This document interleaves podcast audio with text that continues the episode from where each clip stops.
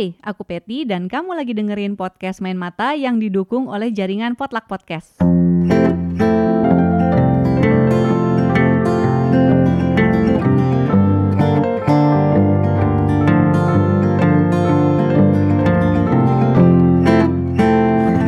Podcast Main Mata adalah podcast buku yang ngebahas banyak hal seputar dunia perbukuan seperti obrolan dengan para pelaku, mulai dari penulis, penerbit, editor, dan lainnya.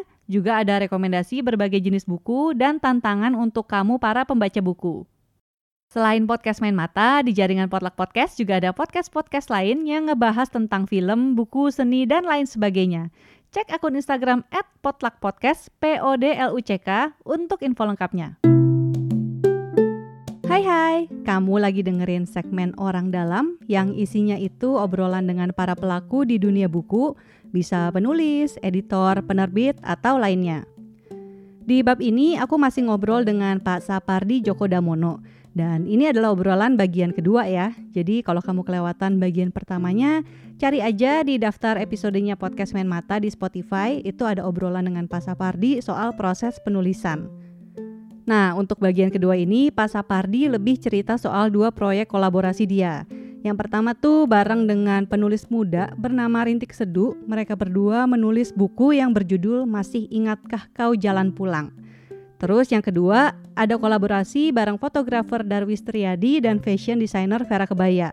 Mereka bertiga membuat buku berjudul Perempuan yang Tak Bisa Dieja. Selain itu, Pak Sapardi juga cerita soal buku puisi dia yang katanya paling menantang nih buat ditulis. Soalnya terinspirasi dari sang istri dan ini bukunya belum terbit ya. Jadi dengerin sampai selesai soalnya Pak Sapardi akan ngebacain sebuah sajak dari buku puisinya dia yang belum terbit ini. Selamat mendengarkan. Halo, balik lagi di Main Mata. Sekarang Halo. aku oh, udah halo bapaknya. Masih bersama dengan Bapak Sapardi Djoko Damono. Ini ya penulis, penulis cerita pendek, penulis cerita panjang, pen- eh, novel ya, terus juga penyair, penulis naskah, penerjemah, akademisi, banyak banget kegiatannya. Tapi yang baru-baru ini sih yang aku lihat nih, Pak Sapardi baru aja nerbitin buku kolaborasi Hmm. dan ini kolaborasi dengan seorang penulis muda bernama Rintik Seduh. Judulnya itu Masih Ingatkah Kau Jalan Pulang. Hmm. Dan waktu itu aku dengar dari Mbak Mirna nih, bukunya waktu itu belum belum rilis aja udah cetak ulang. Hmm. belum rilis untuk publik, ya baru pre-order udah cetak ulang. Waktu awal pertama kali ada ide kolaborasi ini sempat mengira nggak sih Pak animonya sampai sebesar itu? Saya membayangkan aja karena saya tahu si siapa namanya yang saya ajak kolaborasi itu yang menamakan dirinya Rintik Seduh itu kan sangat amat populer ya. Mm-mm. Nah, anak-anak saya pikirnya kebetulan aja kebetulan aja dia ternyata kenal saya sudah lama gitu. Hmm. Ya, jadi dia mengupload gambar-gambar yang zaman dulu gitu. Mm-mm. Ta- Yang saya nggak tahu. Oh pernah ketemu dulu? Bukan, ya ketemu tapi saya nggak tahu dia siapa gitu. Oh oke. Jadi ada pertunjukan apa gitu, terus dia potret gitu, terus di upload di Instagram gitu, terus dia bilang my boss gitu, Kok aku bosnya gitu. Terus kemudian disebut kepala geng gitu, saya kepala geng, geng apa saya nggak tahu. Jadi kemudian saya saya penderengin terus di ada di Spotify itu di mana ya? Mungkin di uh, podcast. ya. Podcast ya, Ya. dia ada podcast juga. Dan dongeng juga, dia, saya selalu ingat sejak Pak Sapardi Djoko Damono yang kira-kira begini-begini. Nah sejak ini sangat saya saya sukai karena setiap kali saya itu kacau balau pikirannya, saya kembali lagi kepada sejak itu dan jadi tenang gitu. Saya, saya kemudian cari-cari ini siapa, siapa gitu. Nah kemudian kebetulan Itu kapan tuh Pak Sapardi mulai taunya nyari-nyari itu? eh Udah lama dua atau- tahun yang lalu ya, Oh, dua tahun setahun yang lalu, lalu lupa, belum lah pokoknya. Hmm. Nah kemudian ketemu untuk pertama kali itu dan sadar bahwa dia itu ada orangnya gitu ya. Hmm. Itu ketika saya diwawancara oleh narasi TV, Hmm. narasi TV yang di situ saya diwawancara, dia yang didatangkan untuk menemani saya bertanya-tanya apa gitu ya. Oh. Di situlah saya kenal dia. Nah, nah, ketika itulah Kak, kemudian saya usut ini siapa gitu. Hmm. Nah, dia kan hampir tiap jam posting macam-macam itu Iya. tulisan tangan dia ini segala macam dan selalu direspon oleh puluhan Jutaan, ribu orang, iya. jutaan orang itu ya.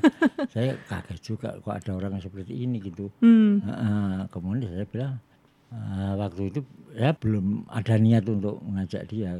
Pada suatu hari ada pikiran ini kalau bisa ketemu saya bagus gitu. Hmm. Terus sam- kami undang.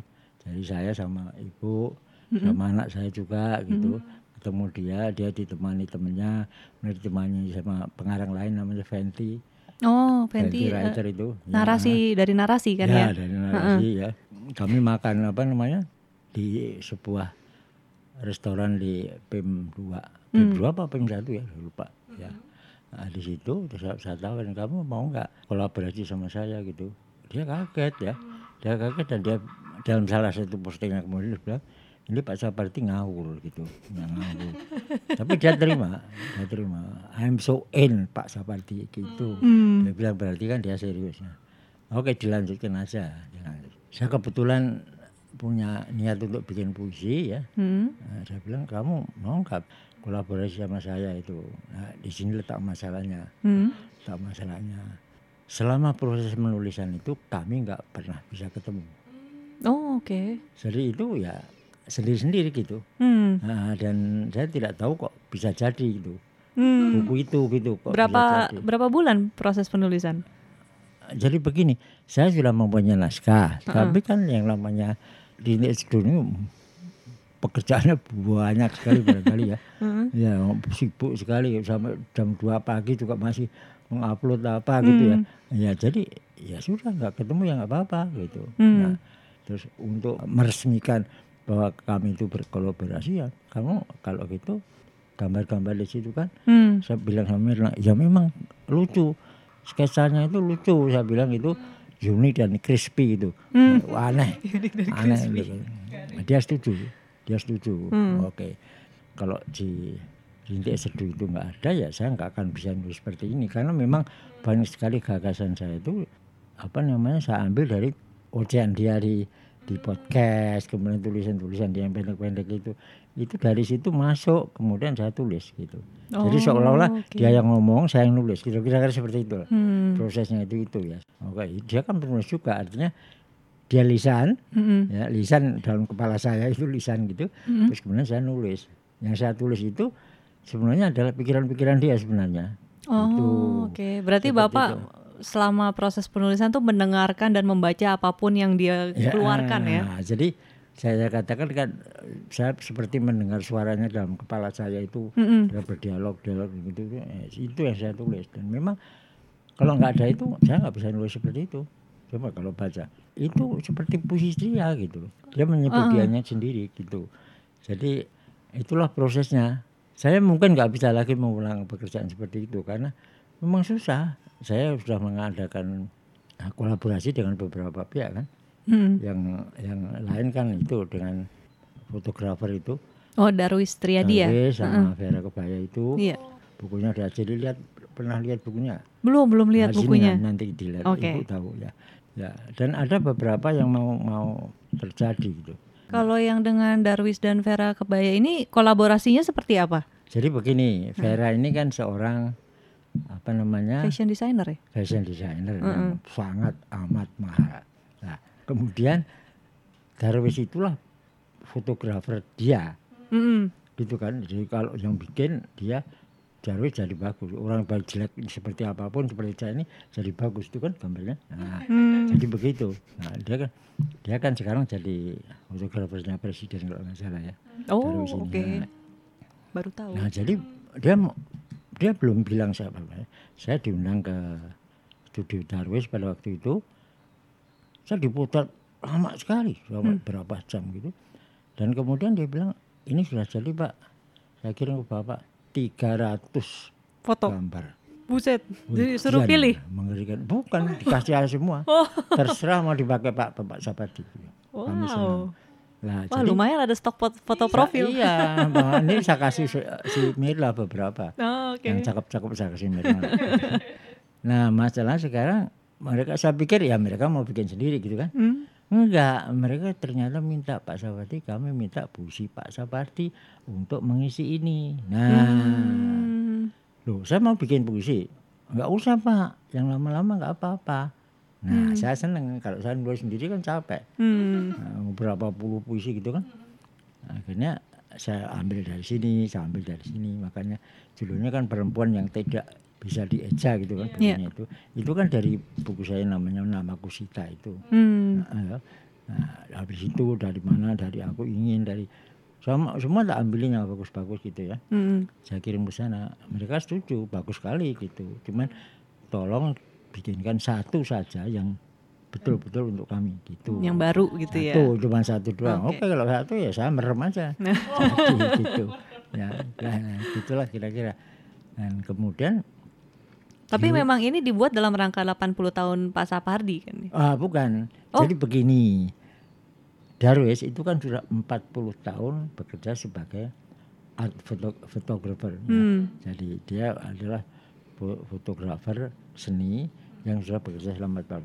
Sebetulnya ini dia itu ulang tahunnya dia sebagai Oh, oke. Jadi kemudian ditentukan tanggal sekian gitu. Mm-mm. ya.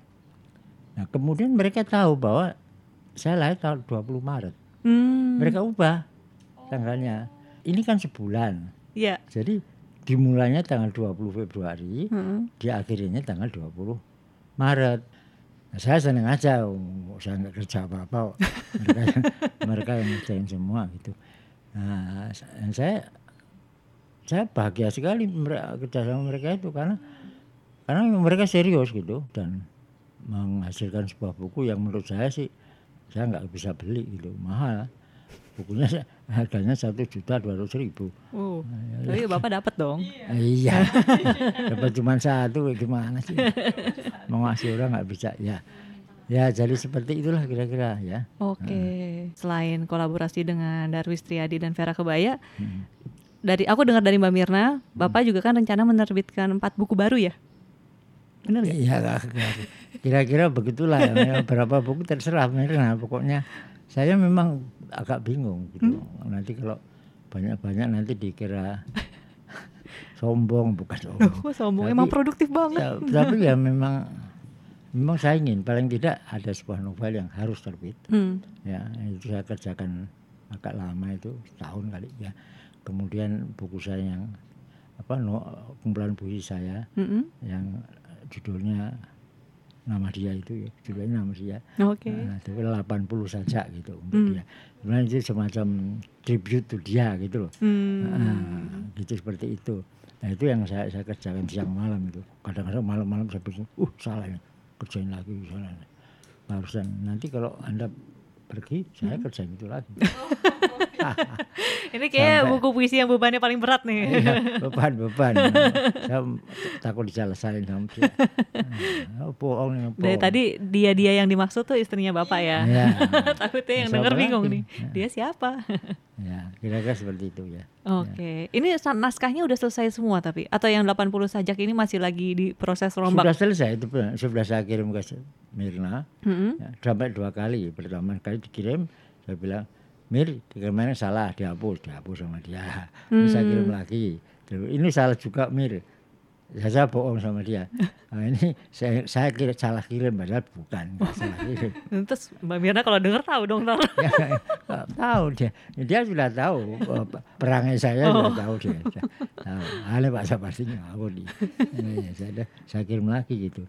Nah sekarang ini terakhir harus terakhir Oke, ini aku mau nanya nih, Pak Sapardi sebagai penyair, sebagai penulis, sebagai akademisi, penerjemah, terus penulis naskah drama, Hmm. eh, ada nggak sih hal yang belum kesampaian nih sampai sekarang dan masih ingin dilakukan?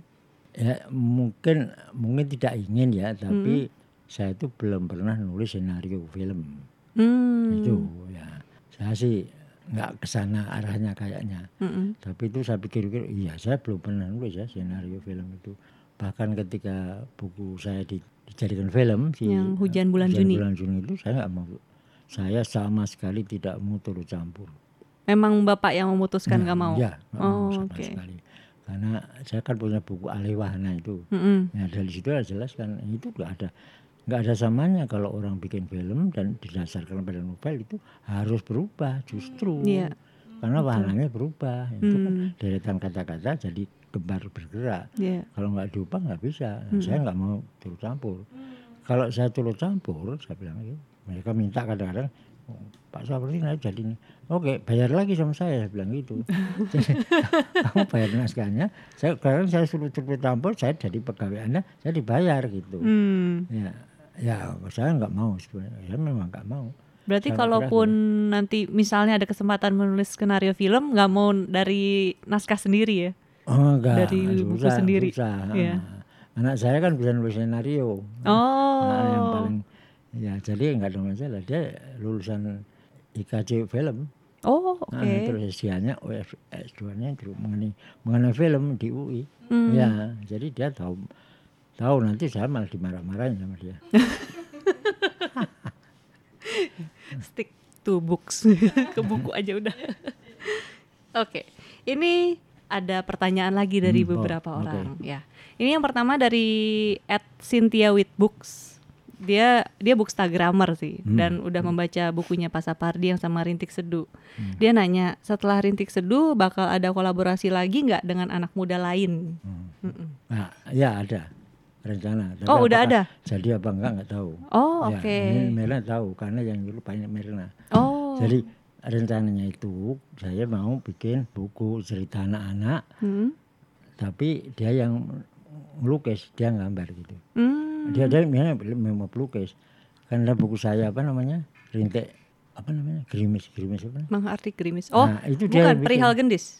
Eh, yang mana? Po- ya Menghardik itu, gerimis. Dia yang gambar itu. Oh. Heeh, Oh dia jago gambarnya, bagus banget gambarnya. Oh, oke. Eh, Dia, jadi saya saya mau nulis cerita cerita anak-anak apa, dongeng satwa, satwa itu dongeng binatang, Binatang, ya, ha? ya, untuk anak-anak ah, nakal, untuk anak-anak yang karpe diem gitu ya. Hmm. Nah, enggak, saya enggak mau, meng- me- saya cuma cerita binatang-binatang karpe dewi gitu, saya, saya enaknya sendiri gitu. Hmm. Nah dia dia seneng gagasan itu gitu.